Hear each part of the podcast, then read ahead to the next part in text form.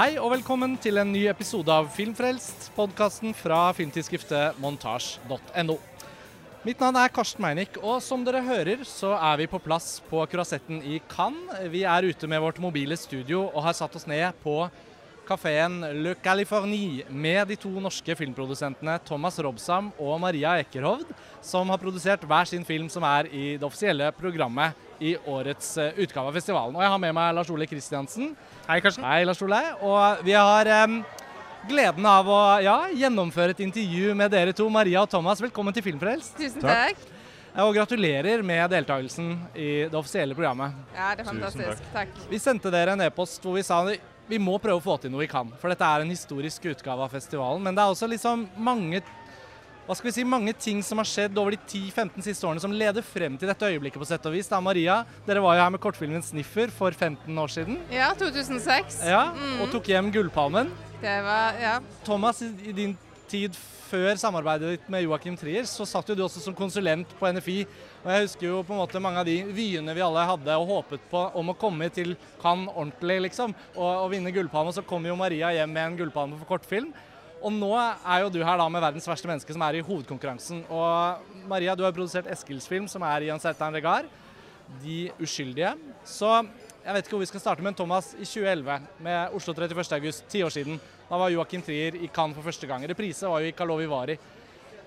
Hva tenkte du for ti år siden om mulighetene for å komme til hovedkonkurransen, eh, og hva tenker du nå? Nei, altså Den gangen så føltes det jo egentlig litt som den burde ha vært i hovedkonkurransen allerede da. De eh, Ryktene sier jo at, at de var litt eh, lei seg for at de liksom hadde gått glipp av reprise. Og sånn er det jo noen ganger. At man eh, liksom diskuterer om filmene er i riktig program og sånn.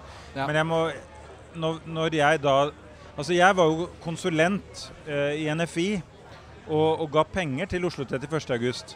Og det kom ut av at Joakim hadde en sånn VIP-søknad inne, og da var det Laudren Boms som var på gang. De skulle finansiere den, og det var et langt lerret å bleke, og det manglet fortsatt penger. Og jeg husker jeg så for meg at det fort ville ta et par år til.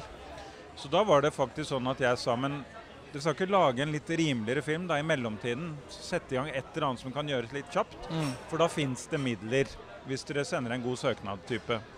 Det er jo liksom, I ettertid har jo noen sagt at det burde jeg aldri ha gjort.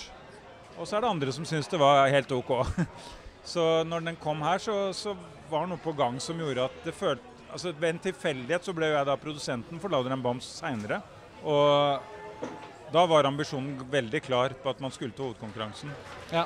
Eh, det er det jo for alle filmene, også for denne. Det, det som er annerledes nå, er at nå er også ambisjonen helt klar på at vi skal vinne en pris. Ja, Maria, em, hvis vi spoler tilbake til Sniffer og sånn, nå er det jo Bobby Pierce som regisserte den filmen. Eh, Nå er det jo en annen regissør du på en måte er her med i år, da, så da blir jo du på en måte autøren som vi følger fra Ja, ja, sånn sier vi det. Det var en god historie. La oss si det sånn. Ja. Men tenk, altså det var jo et helt utrolig øyeblikk, eh, helt Ja, sikkert. Men, men kan du liksom se en kobling, en bro mellom den gang og nå?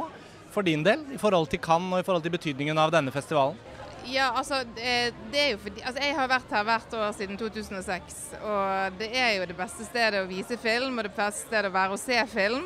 Så, sånn sett så er det jo en sammenheng i at jeg har hatt en drøm om å komme tilbake hit med film.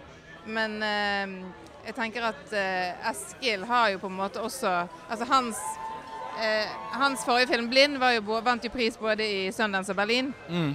Og det at nå denne kommer til Cannes er jo naturlig. Samtidig så har ikke det vært en sånn uttalt ambisjon fra vår side å skulle til Cannes. Nei. Vi var veldig fokusert på at vi skulle lage en film helt sånn fri uten å tenke på at denne skal et sted, eller denne lager vi for noen andre.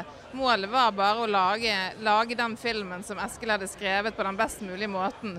Jobbe bra med barna, legge til rette for at filmen skulle bli så unik og original som det manuset jeg leste eh, når han sendte til meg. Eh, sånn at vi er her er jo en sånn fantastisk bonus, men det måtte ikke være her. Filmen skulle på en måte kunne stå trygt på egne ben uansett eh, hvor den eh, hadde premiere. da. Men nå, når vi er her, så føles det fantastisk å være her. Eh, og vi gleder oss jo enormt til å vise filmen i en kinosal med Ja. masse mennesker. den hører veldig liksom hjemme i, i Cannes, og at den har blitt plassert på et veldig bra sted. Fordi Uncertain Regard-seksjonen, den er jo for oss som kjenner festivalen godt, no, litt forbundet med filmer som er, krever mye tålmodighet fra tilskuerens side. Det er ikke så ofte at man uh, opplever å bli liksom underholdt, uh, og i alle fall ikke av sjangerfilm. Uh, inne i Debussy, som den salen der de viser den Seritan Regar-filmene heter. Og jeg tenker jo at det er litt ekstra stas at De uskyldige tross alt er en ganske ren sjangerfilm. Altså, selv om den eh, har et tempo og et kunstnerisk ambisjonsnivå som jo er used usedvanlig for, for, en horrorfilm, så tenker jeg at eh, den liksom Det er en overnaturlig horror. Og sjangerfilm er jo heller ikke noe kan på en måte er kjent for å være spesielt gode til å løfte fram. Så det Opplever du at det er litt sånn ekstra stas? Ja, ja, ja, absolutt. Og det er jo på en måte en fin tradisjon da, med de sjangerfilmene som har vært løftet frem. Med eh, It Follows, som var i Kritikeruken, og Border, som også var i Uncertain Regard. Som faktisk har gjort det veldig veldig bra, fordi at de nettopp liksom står ut blant de andre filmene som er i Cannes. Så de har liksom vært sånne breakout-titler fra Cannes som vi kan håpe på at vår film også blir. Og Det er jo liksom i den tradisjonen. og Det, det er jo det jeg tenker med filmen. at det, ja, Den er en uh, horrorfilm og en sjangerfilm, og så er den også på en måte en uh, intellektuell og kunstnerisk ambisiøs film. Sånn at uh, Jeg tror jo at den vil treffe sjangerpublikummet veldig godt. Og så håper jeg og tror at den også vil treffe et mye bredere publikum, og et publikum som er interessert i kvalitetsfilm. Og, og de, vi har jo hatt noen veldig, veldig få testvisninger. Eh, og helt sånn, egentlig litt sånn random hvem som har vært og sett den pga. korona. For vi har ikke kunnet hatt de store testvisningene som vi vanligvis har. Eh, og da når vi har vist den til folk som egentlig aldri ville gått og sett en horrorfilm, eh, hvis de visste at det var det, når de ser den, så får jo de en utrolig sterk opplevelse. Fordi de er ikke vant til å se den type film, så de blir jo helt satt ut av å se filmen, men på en veldig god måte. Og vil snakke og snakke og snakke og snakke etterpå. Eh, fordi det er så masse interessant tematikk, samtidig som den jo gir deg det der suget i magen som horrorfilmer gjør. Ja, for sant? den gjør det, og den, mm. den er til og med liksom nesten litt sånn sadistisk eh, eh, ja. i, i, all, i, i, visse partier av filmen, iallfall. Eh, noe som jeg utelukkende syntes var en kvalitet. At den, at den turte den tør, det. Den tør, ja. Eh, men, og min erfaring da, av de relativt få horrorfilmene vi har sett i Cannes i løpet av de ti årene vi har vært her, så har de gjerne liksom gått av som bomber i de programmene de har ja. blitt vist. It Follows er jo kanskje det ypperste eksempelet på det. da. Ja. ja. og det er jo litt sånn kult å også, hvis jeg skal ta oss videre til det faktum at det blir litt sånn historisk norsk år da, vi er i nå. Eh, Thomas, din film hadde premiere da for to dager siden. Maria, din film er i morgen. Vi er liksom midt i det nå.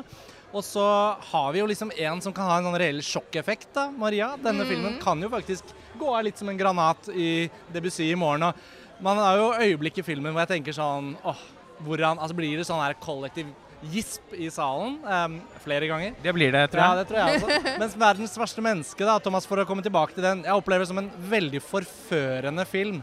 Uh, og det at den omsider fikk spille seg ut for disse 2000 menneskene i Lumière da. Joakim satte jo ord på det, at dere ikke har hatt testvisninger for mer enn fem av gangen pga. korona. Endelig møter den sitt publikum. Hvor ville du startet for å liksom sette ord på den opplevelsen det var å endelig liksom vise filmen? Altså, hvis ikke det hadde vært for at vi har vært der en gang før med Louder Bombs, som da selvfølgelig ble den jomfrugreia med den lange applausen og, og, det å være der med helt full sal, så hadde det sannsynligvis liksom opplevd det som, som eh, liksom det største øyeblikket i livet. Men, men, vi har liksom vært der en gang før. Det føltes allikevel som det var enda mer entusiasme denne gangen. Enda lengre applaus og deilig med latter underveis. da. Det er jo det er jo på mange måter en komedie. Det er en komedie, det er en romantisk komedie. Romantisk komedie. Men det er en romantisk komedie av Joachim Trier. Ja. Og, og, Nei, jeg syns det var helt fantastisk. Det var, det, var, det var, så deilig. Og det var liksom Altså, Man kan si hva man vil om at hvis ikke vi kommer til Cannes, så er det allikevel bla, bla, bla. Altså, vi, For oss så hadde det vært en enorm skuffelse å ikke mm. komme til Cannes. Det er, så, det er ikke noe og det er På samme måte som det er nå Når jeg sier at jeg tror vi vinner en pris, så er det fordi jeg virkelig tror det. Så, og, og, føler at filmen har det inne. Altså Det er sånn, det er bare det. På samme måte som jeg følte at Håp hadde inne og kanskje kunne bli nominert, eller i hvert fall være i nærheten. Jeg syns ikke det er noe feil å si det, når man føler, uh, føler at, det, at, det, er reelt. da. Jeg var skuffet på deres vegne over at Håp ikke fikk en Oscar-nominasjon, for det hadde den jo virkelig fortjent. Og jeg syns det er viktig å plukke opp akkurat det dere er inne på nå. For det handler litt om hvor, st hvor stor selvtillit har vi i Norge på vegne av filmene våre? ikke sant? Hvor, mye, hvor mange ambisjoner tør vi være åpne om, og hvor, hvor høye skal de ambisjonene være fra film til film? Og kanskje en kombinasjon av den norske litt sånn ydmyke holdningen, men også ambisjoner, sånn som vi viser så ofte når det kommer til idrett at vi har tro på fotballandslaget vårt, er jo egentlig helt sjukt. Når man ser Danmark spille hjem og tenker jeg, men Norge er jo altså vi er jo så langt unna at det er jo ikke noe vits i å tro på det engang. på en måte. Men så kommer vi her med to norske filmer. Sverige og Danmark er ikke med i noen av de offisielle programmene. Må være lov å smile litt over det også. Altså Ambisjonsnivå for å komme altså Det å viljen og Det å f.eks. holde igjen filmen til Cannes eller noe sånt. Altså Maria, tenker du hvor hårete bør ambisjonene være? Altså veldig, jeg syns det er veldig delt. fordi Det handler jo også om det der å ikke la seg være styrt av andre sin eh, anerkjennelse av det du holder på med. Og ikke være ytre styrt. Ikke la ting bli liksom styrt av noe utenfor det man holder på med kreativt og kunstnerisk. Eh, så på den måten, Og det lærte jeg faktisk egentlig med Sniffer. Sant? fordi når vi var her, vi kom jo helt utenfra. altså det var helt sånn absolutt Ingen som visste hvem vi var. Vi hadde laget en film i Bergen. Viste den i Tromsø på filmfestival. De ja. valgte den jo og viste den som eh, foran uh, Oljeberget ja, Jeg var på den visningen. Ja, jeg husker faktisk veldig godt det og, og, der var det jo selvfølgelig noen som kom bort og gratulerte oss etterpå, men det var jo ikke noe sånn wow, dette er verdens beste kortfilm. Og så vinner den i Cannes. Da var den verdens beste kortfilm. Og da var det plutselig så var vi liksom alle sånn Å, den er så fantastisk. Og, og vi fikk noen muligheter som vi ellers ikke ville ha fått. Men det lærte meg jo også at filmen var jo det samme. Sant? Sånn at man skal ikke liksom la seg styre av. Man må tåle på en måte at eh, en film eh, at det går både godt og dårlig. da. Og så må man være på en måte tro mot det man skal skape, iallfall når man lager det. Mm. Men så syns mm. jeg jo det er kult også når Thomas sier sånn Ja ja, men vi skal til Cannes, vi skal vinne en pris. Eh, og det er noe veldig motiverende, iallfall liksom som produsent, med å tenke at det her skal vi faen meg klare. Mm. Og det gjør jo at han, altså han setter jo på en måte et ekstra press på seg sjøl og alle rundt, og det syns jeg er dødskult. Så det er liksom å finne balansen mellom det der å verne, at man ikke lar andre bestemme hva som er bra, eh, og samtidig liksom tør å satse og si at dette skal vi faen meg få til. Mm. Ja, altså herregud, nå har jeg nettopp lagd film om a-ha. Og jeg mener, når de bestemte seg for at de skulle liksom få det til i England, så var det Det var liksom en million ganger mer absurd enn at vi har ambisjoner om å komme til Cannes. Fordi 19, på 70-tallet å liksom si vi skal slå gjennom i England altså, det, altså Vi lo oss i hjel, vi som var omtrent på samme alder den gangen. Så, og jeg, jeg har lagd I den prosessen med å lage lage filmen om å ha, så har jeg tenkt at Pål Voktor og Joakim Trier de har noe, noe, som minner litt om hverandre. Den derre enorme ambisjonen. Den, eh, den derre liksom sånn Nesten som hester som har uh, skylapper ikke sant, for å nå det man ønsker. Og, og også vite hva som skal til. Og liksom på en måte ikke, ikke alle kan drømme om kan, og alle kan drømme om å slå igjennom internasjonalt. Men må liksom, det må være en kombinasjon av at det er reelt, og at du må jobbe for det og aldri gi opp. Og der er det noe altså, Jeg tenker at hvis ikke vi har altså, Jeg syns det er helt latterlig når en del folk sier de skal oppnå ditt og datt, og du skjønner at det er helt off hva som er realistisk. Men jeg syns samtidig det er, det er gøy å, å, ha den ambisjonen når den er reell. da. Ja. Og, og, jobbe den ekstra runden for det. Det var derfor, altså Sånn som i Filmskapere, som er denne, denne ja, Jeg liker jo ikke ordet talent, da, men altså filmskaperordningen med hvor programmet liksom er å løfte utviklingsfasen. Så, så handler det om det. da. Hvordan skal norsk film løfte seg et lite hakk ekstra? Må vi ha ambisjoner, men det må samtidig være realisme mellom ambisjonene og, og hva som ligger der. Ikke sant? For Hvis ikke så blir det bare teit. Men, men er det en realisme i det, så må vi sette inn det ekstra giret, og så må vi også tørre å tro på det.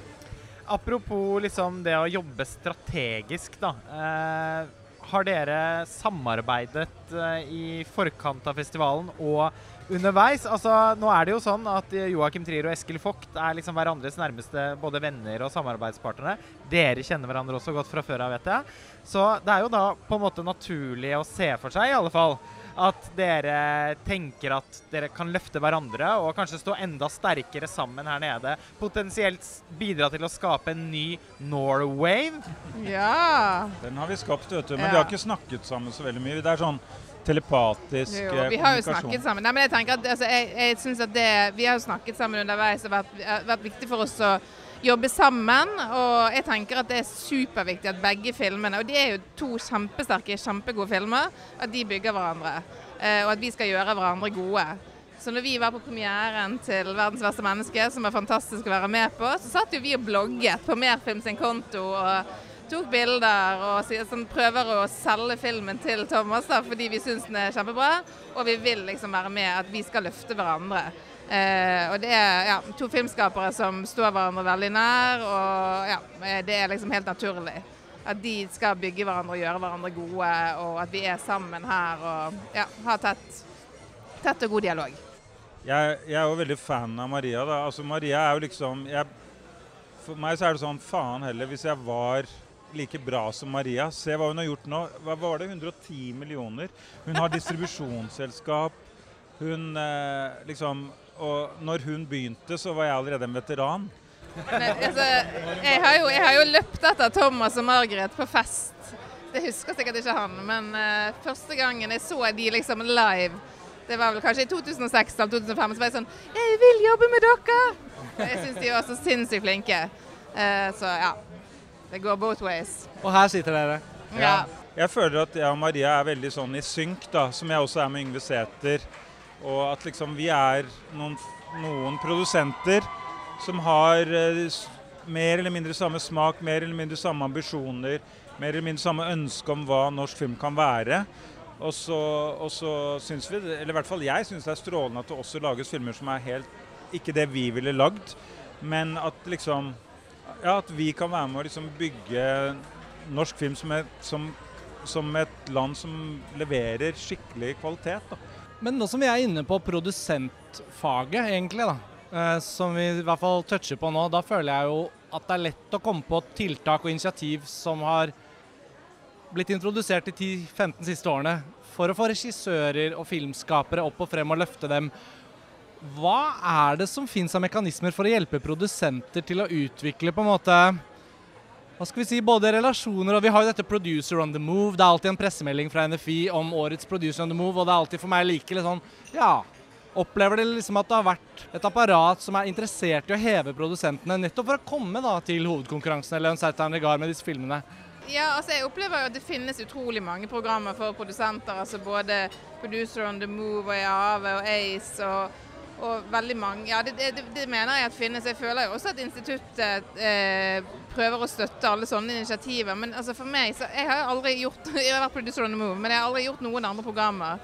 Fordi jeg har aldri tid til det, fordi jeg har alltid laget film. Ja. Og jeg tror jo det er det som skal til. Det er jo liksom å få muligheten til å lage film. Lager man ikke film, så har ikke de programmene noe å si. det, det er der man blir en god produsent. Hvis man lager filmer og ser muligheter og klarer å få det til. Og får muligheten til å få det til. Og det er jo selvfølgelig viktig at man ser liksom etter ja, altså, ulike typer produsenter også, som på en måte er eh, ja, medhistoriefortellere, og hvordan de kan bidra til å få frem ulike historier, ulike perspektiver. At man er obs på det da, og, og, gir folk muligheten. Sant? Jeg hadde ikke nok ikke fått muligheten hvis ikke vi hadde vunnet Gullpalmen. Så hadde på en måte min vei vært en helt annen det gjorde at jeg fikk foten i døren, og så har jeg vært liksom, som Jehovas vitne siden og bare Flyttet mer og mer kroppen ja, ja, ja. gjennom, dørkarmen. Ja. Eh, sånn at det er, jo, det er, jo, det som skal til, å liksom gi folk muligheten til å lage film.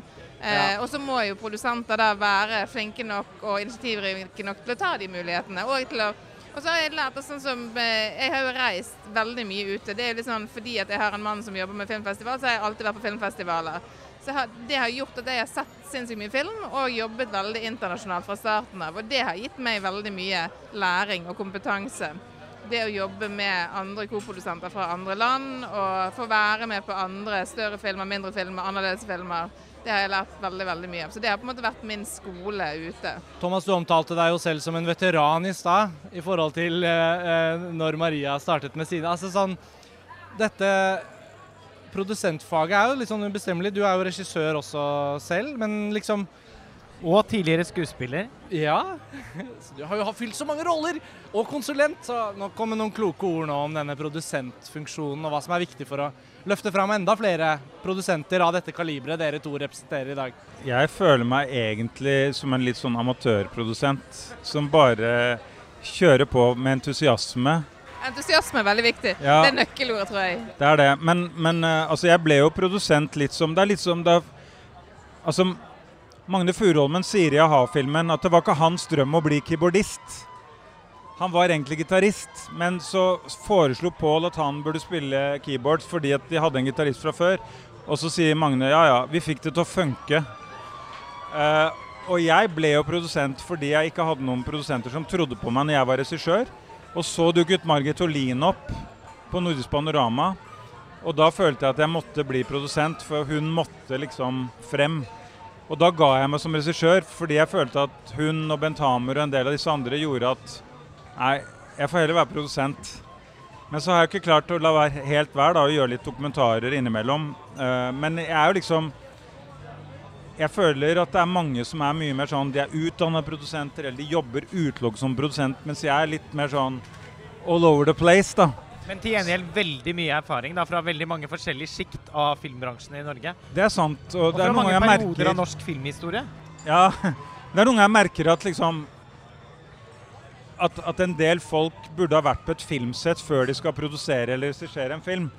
Da merker jeg liksom hva, hva er det de holder på med?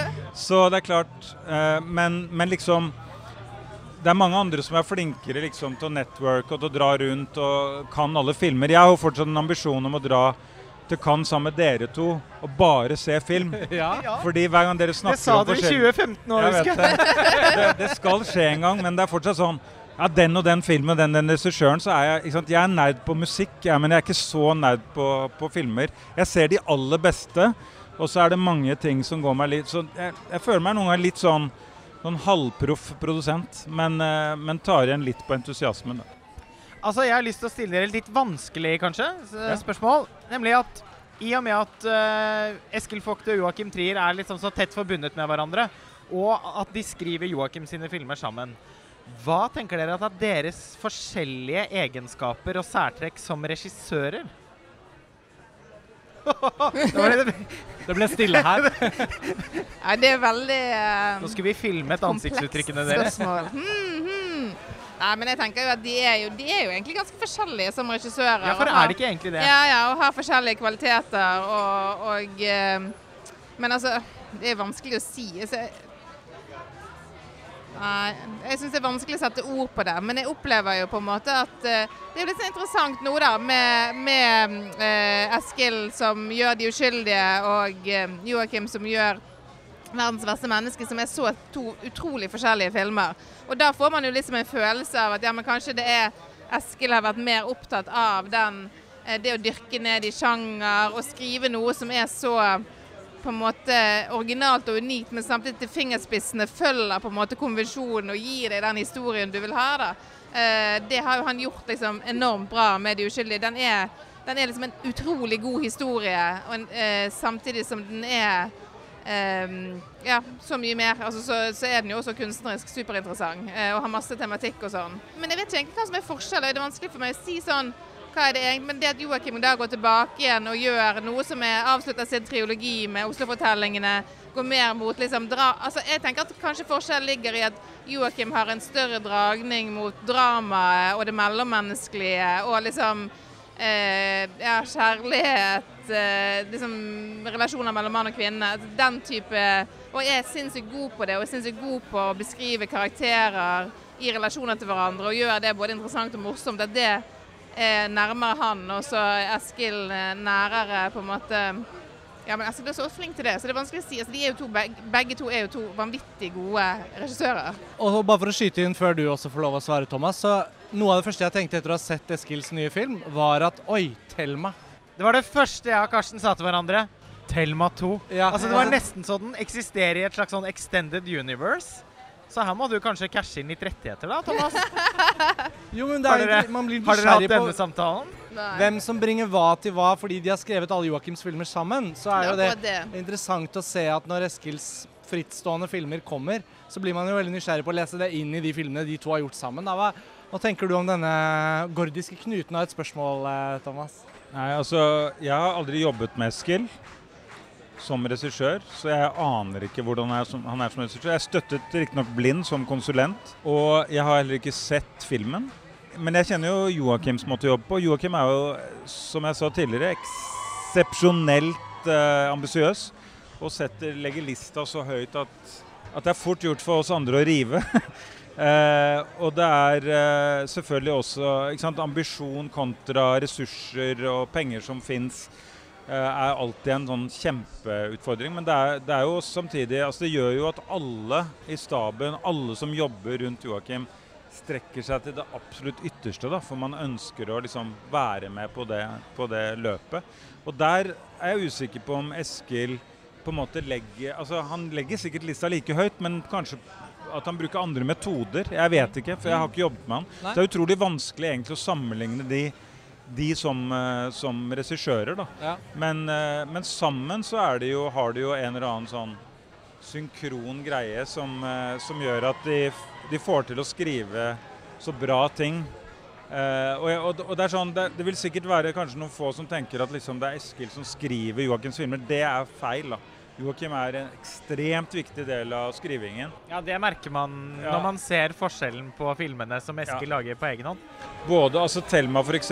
Så, så var, det, var det noen versjoner som ble veldig forandret fra på en måte et slags utgangspunkt. Altså, noen av disse prosessene er jo sånn når, når kan man jobbe sammen og ikke. Og det, det er jo et sånn spenningsmoment nå, da, når, når man skal tenke fremover. Liksom, hva blir det første manuset som skal skrives nå? Ja. Blir det- neste film. Blir det, blir det Eskils neste film, eller blir Joakims neste film? Det blir jo den tautrekningen de må ha seg imellom, da. Fordi, fordi Joakim er jo veldig sånn uh, Vi skifta jo fotograf på denne filmen. Mm. Og det var jo ikke noe som skjedde liksom Ja, da husker jeg vi skalv litt i buksene. ja, Ja. ja, Jakob Ire. Han Ja. føltes så umistelig. ja. Men bare for å avkrefte det for lytterne, så jeg tror jeg ikke det var noen dramatiske årsaker som lå bak det. Det var ikke noen dramatisk årsak. Det var så enkelt som at Jakob Ire ikke hadde mulighet og hadde jobbet ja. med med Tsjernobyl, i, i evigheter og sånn, men, og, det, og det gikk superbra med Kasper Duxen. Og det interessante er jo liksom Hadde det gått kjempebra hvis Joakim hadde gjort den filmen en annen mannsforfatter? Eh, det vet man jo ikke før han blir nødt til å prøve det. Nei, men Det er jo faktisk sant. Altså, det er jo interessant å se, for når man ser eh, 'Verdens verste menneske', så tenker man jo egentlig ikke på at det er en annen fotograf. Ja, altså, det sånn, I utgangspunktet så er jo på en måte den virtuose visuelle stilen som Joakim er kjent for, er jo der fortsatt. Så det er jo liksom, det er jo kudos til han, da. At det kommer fra han. Eller at det er liksom noe han utvikler sammen med den fotografen. Og det er ikke, det kommer ikke fra Jakob Ire. Jeg Men- leste det på samme ja, måte som deg, ja. Maria. At, eh, at det, det visuelle uttrykket er Joakims. Ja. Det blir veldig åpenbart etter å ha sett 'Verdens verste menneske', der Kasper Tuxen er fotograf. Og det er jo sånn at noen regissører jobber jo med forskjellige fotografer, Ja. og, men opprettholder et, eh, et uttrykk som de kanskje videreutvikler selvfølgelig i løpet av en filmografi, mens andre eh, jobber jo med en fotograf som da appliserer den samme stilen ja. også i samarbeid med andre regissører. Sånn at fotografen nesten blir en større autør. Anthony Dodd Mantle, eksempel. Ja, ja, ja, Eller, ja. eh, ja. Det fins mange eksempler på det, jeg skal ikke gå inn i det. Men jeg, jeg syns det var et eh, interessant eh, poeng. Så må vi ikke glemme, glemme klipperen her, da. Klipperen til Joakim. Olivier Bouguet Oliver, Coté. han er jo eksepsjonelt viktig for, for hva, hva resultatet blir uh, Joakims filmer.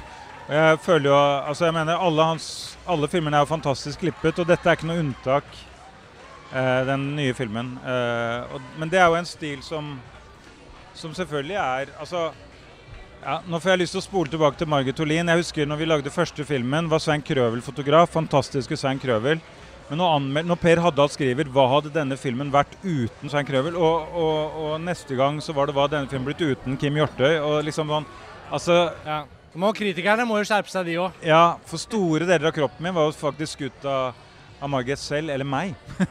så jeg mener regissørens eh, Altså de virkelige autørene legger jo alle premisser for både hva fotografen gjør og klipperen gjør.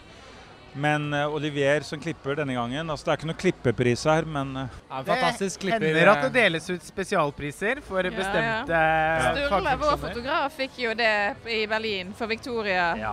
Hans gjennombrudd. Så fikk han jo eh, han er jo i ferd med å bli Norges første liksom, internasjonale stjernefotograf. Ja, ja. Med Benjamin Løb eh, byksene etter, fordi han er også i Cannes med filmen 'After Young' til Kogonada. Eh, jeg har også lyst til å spørre dere om hva dere tenker om veien videre etter Cannes. Filmene skal jo ha norske kinopremierer i henholdsvis september og oktober. Eh, når man ser 'Verdens verste menneske', er det innmari vanskelig å ikke tenke at Oi, den filmen her kommer til å gjøre det bra i Frankrike. Både fordi Joachim Trier er et navn, Anders Danielsen Lie er en stjerne i Frankrike, og det er jo noe ved filmens 'La di di, la di da' som ikke bare er Woody Allen, men også eh, veldig mye fransk eh, Altså Arnaud de Plecham for eksempel, er jo en viktig inspirasjonskilde for Joachim Trier. Og, og filmen har en sånn en, en fortellerstil og en, eh, og en rytme og en humor som man kanskje tenker at kommuniserer veldig godt med et fransk eh, publikum. Ja, Memento, som er fransk distributør, ikke salgsagent, som dere sa i poden. Ja, det er my bad. Det var i forrige episode, sa jeg salgsagent. Ja, det er MKD som er Det er lett å salgsagent, gå litt eh, ball i hatt med de franske Ja. Selskapene Men, nede. men altså Alexand fra Memento, distribusjonsdelen av Memento, da, for de er jo også salgsagenter, han eh, kjøpte jo eh, Oslo 31. august fra Match Factory. Og han sier jo det at Oslo 31. august er en av hans ti favorittfilmer ever in film history. Og når Alexandre og en, eh, en eh, filmjournalist fra en av de virkelig store magasinene i Frankrike var på besøk i Oslo, så måtte jeg kjøre de rundt på alle locations i Oslo 31. august og vise dem ja, her filma vi det, her filma vi det. Og de sto der som små barn. Eh, som, som bitte små filmentusiaster. Ja. Og når vi kom da til, ehm, til dette, hva heter det igjen, Pascal, så var det sånn Oh, that's the table. Ja. And Thomas, can you ask them if they can move? So we can sit at the same table. Og dette er liksom distributøren. Og når, eh, og når han da nå fikk, eh, fikk lese 'Verdens verste menneske', så var det bare sånn Jeg må ha den. Og, og går inn med en stor risiko på filmen. Som også gjør at de har skifta tittel. Julie en douze chapitres. Ja. Nå begynner vi å merke at den er liksom Jeg har lyst til å skrive den på Twitter, liksom, når jeg omtaler filmen. Jeg har alltid tenkt at 'Verdens verste menneske' Fra første gang du fortalte meg om den tittelen, eh, Thomas, i Cannes i 2019, så tenkte jeg at det var en helt fantastisk morsom tittel. Det er og, jeg, og jeg synes det fortsatt. Men jeg får veldig lyst på plakaten 'Julie en douze chapitres'. Julie i tolv kapitler. Det er jo på en måte, det er jo fransk, men i Frankrike så er jo sjanger, altså den sjangeren, altså Arthouse, Ja. er jo kommersielt. Så Ja, det er på en måte ja. mer kommersielt å gi den den tittelen. Og så har jo ikke franskmenn eh, tydeligvis da den type ironi, for de tror at verdens verste menneske er helt bokstavelig. så jeg prøvde å forklare nei, men det er ikke sånn at hun er verdens verste menneske. Hun bare føler seg litt sånn innimellom, slik vi alle gjør. Men jeg opplever at med den engelske tittelen altså bare, Nå skal vi bare fort for Mens vi er inne på det. Nå skal Maria på do, og så kan jeg prate lenge. Maria tar en kort pause mens vi nerder ut om titler. Altså, Syntaksen i den engelske versjonen av tittelen sliter jeg litt med. Altså, The worst person in the world er ikke for meg en like god tittel som Verdens verste menneske eller Julien Douze chapitre. Så, men eh, tittelen tar oss jo også litt til sånne der prospektene for filmen, da, Thomas. Eh, mens Maria ikke er her, så kan vi jo gå spesifikt til verks. Hvordan har du opplevd nysgjerrigheten, interessen, salgsaktivitetene rundt filmen her i Cannes til nå? Hva, hva er mulig å fortelle? Hva kan du si? Nei, altså Nå er det interesse fra masse land, og det er jo spesielt USA vi er spent på. Fordi at eh, veldig mange distributører som kjøper Joakims filmer, er de samme som har kjøpt tidligere filmer. Så det er veldig ofte de samme distributørene kommer tilbake. og Det er også en grunn til at ikke vi bruker masse penger på å være sånn supersynlige utover bare rett og slett å være i hovedkonkurransen. Man kan selvfølgelig diskutere om ikke norsk film ved NFI skulle vært mer synlig bare fordi det er et år sånn som det er. Eh, men, men for oss så er det ikke så viktig å ha en eller annen kampanje eller noe lavvo på krosetten eller noe sånt. Det er liksom sånne gimmicks trengs ikke, fordi Joakim er så til de grader et navn. Men jeg har jo fått masse mailer da fra folk som har eh, sendt bud til MKD, og så prøver de å få meg til å si ja, vi går for dem uansett bud. Fordi, så det, det er en veldig sånn stor entusiasme for å få Joakims Ja. filmer nå. Kan jeg spørre om Amerika? For jeg føler liksom at selv om New York Times og visse sånne konnoissører på Manhattan og sånn har vist interesse, så føler jeg det er et uforløst potensial for Joakim og hans filmer i Amerika. Kan du si noe om den problemstillingen? Er det liksom, jeg husker Strand Releasing hadde vel en film der, og så var det Miramax i sin tid som hadde reprise. Jeg venter fortsatt på at Criterion plutselig skal si nå kommer Joakims filmer. It's a great film. It's it's so great. It's your best film. You know, it's fantastic, but it's difficult. It's difficult. So let's see if if it's if we can get the Oscar. If yeah. it if it shows as the Norwegian Oscar, then we can maybe do it. Så det er liksom hver gang at de elsker filmen, de elsker Joakim. Why don't you come over and do a film with us? Ja. Men så er det liksom det der at de tenker det er vanskelig å selge. Men denne gangen så har jeg virkelig troen, da. Ja. Og husker reprise ble superstor. Ja. Men så kom Oslo 31. august. Uh, oh, it's difficult. Og så kom Lauder. Oh, it's hard. Ja. Så, men men uh, jeg Mens Thelma derimot har gjort det veldig skarpt internasjonalt absolutt i kraft av å være en horrorfilm. For horrorfilm har dedikerte fans. Og ja. jeg tenker, Og nå går jeg Maria, på do. Vi beveger oss her fra produsent til produsent.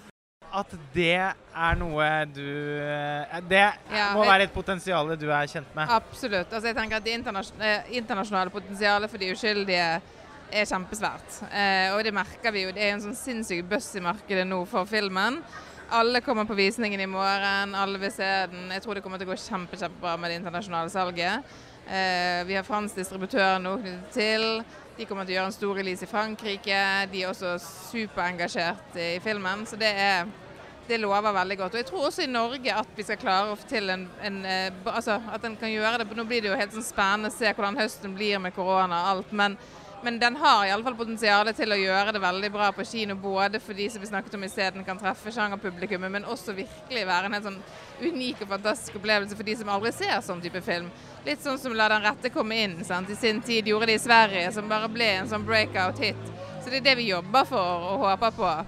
Eh, og jeg tenker at det, ja, det hadde vært utrolig gøy. Og det fortjener Eskil, fordi Eskil er liksom Jeg syns han lager noe så utrolig egenartet. Han er virkelig en autør. Han liksom, og han er jo en fantastisk regissør. og Ofte så kommer han jo på en måte litt sånn i skyggen fordi han også er en fantastisk manusforfatter.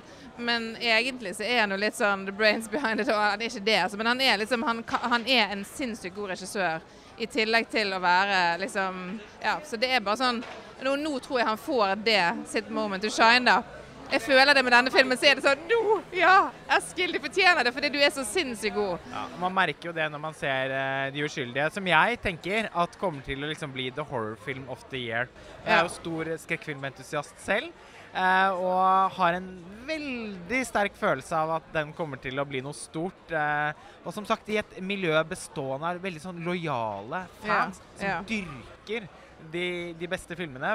Kanskje på en litt annen måte enn det som andre sjangere Ja, ja, får rundt. Og det sier jo Eskil også, at han syns jo det er sånn Fordi folk, mange som spør ham på intervjuer ja, men hva syns du om at den blir klassifisert som en horrorfilm. Han bare altså, Den kan være begge deler. Jeg skal ikke sette noe stempel på hva filmen min er. Men hvis den blir kalt en horrorfilm, så er det en ære. Jeg elsker horrorfilm. Ja. Jeg elsker liksom det miljøet. Jeg elsker den dedikasjonen. Han er jo en filmelsker. Og det at andre filmelskere liksom Ja, jeg eh, tenker det er viktig også å kunne si noen ganger at eh, ja, nei, altså Filmen er på en måte for god til å være en horrorfilm. Det blir så teit. Ja. Det er en horrorfilm. Ja. Thelma var også en horrorfilm. Ja. Jeg, synte, jeg husker at jeg tenkte at dere burde pusha det litt hardere i forbindelse med markedsføringen. Og at dere da kanskje ville nådd flere yngre tilskuere. Og dere har jo da premiere i begynnelsen av september. Dere har Mhm. ikke vurdert å utsette til liksom halloween? Nei, altså vi ville være først ut. Fordi vi hadde, vi har jo nå, Den er åpningsfilm i Haugesund.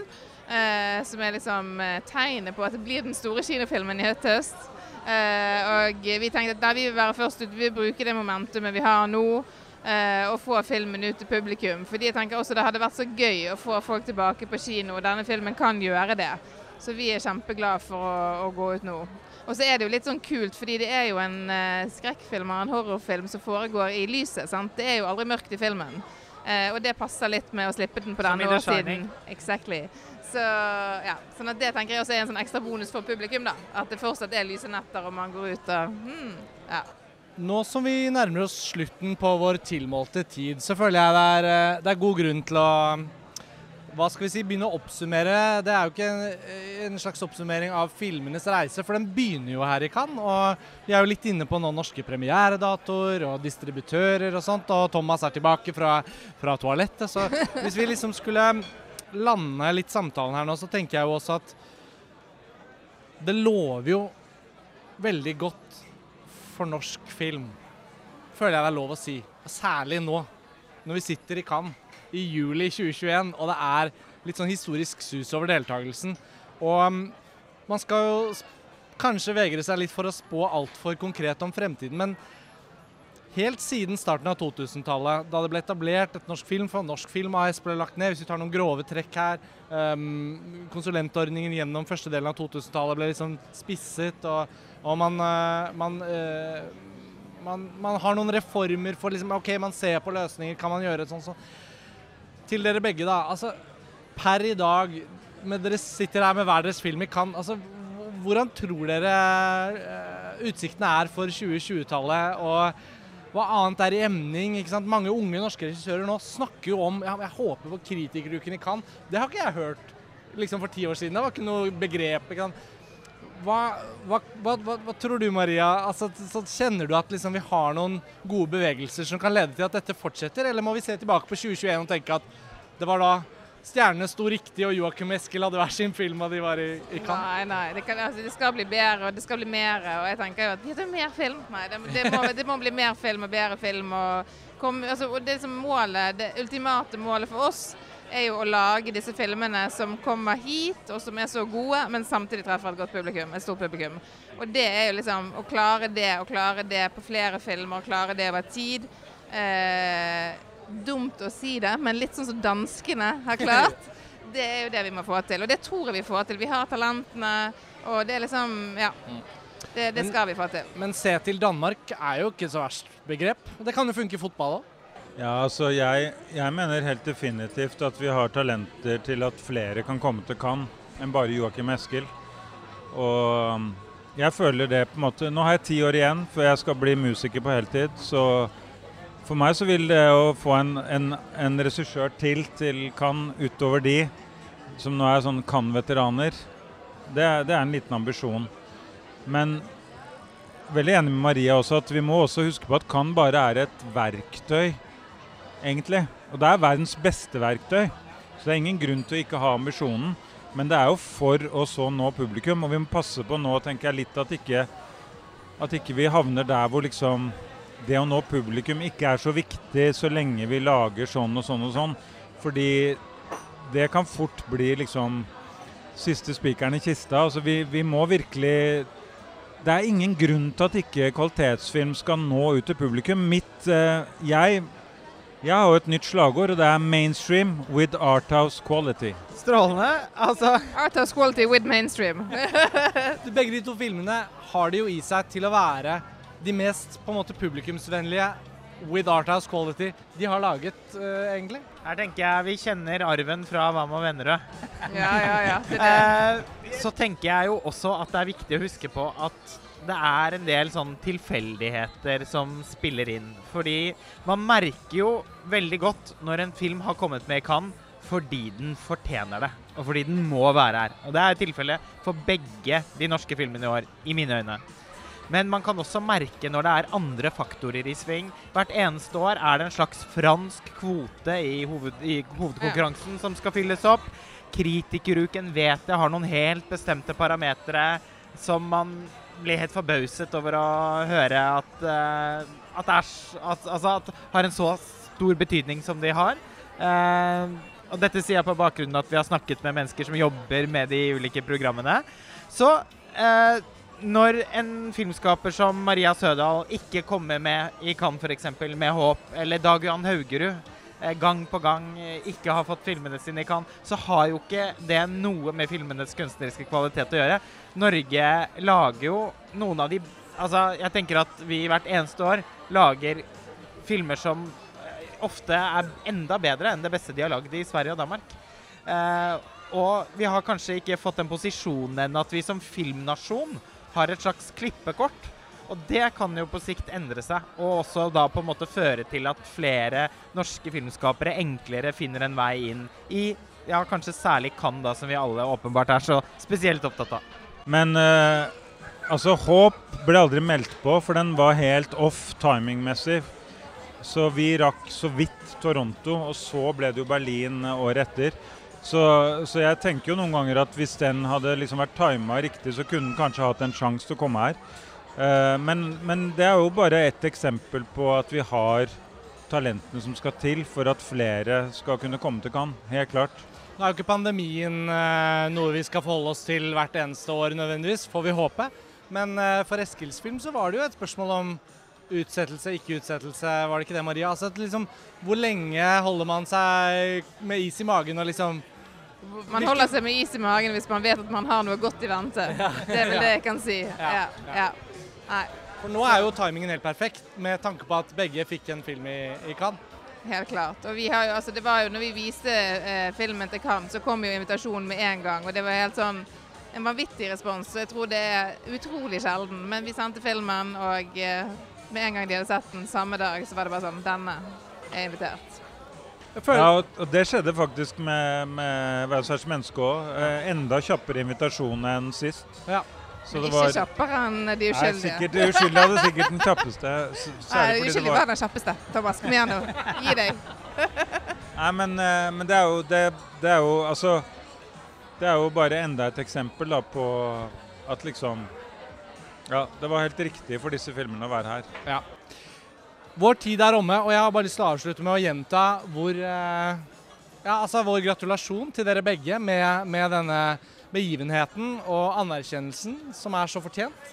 Og det er så deilig å elske disse filmene som uavhengige observatører og være med å feire Norges historiske årgang. Så Thomas og Maria, tusen takk for at dere tok dere tid til denne podkastsamtalen. Veldig kult å kunne si at de to så langt beste filmene i Cannes er norske, og mene det. Thomas, Maria og Lars Ole, takk for eh, denne gang. Takk for praten. Så håper jeg vi høres her med samme premiss i fremtiden. Ja, Ja. Ha det bra. Takk for nå.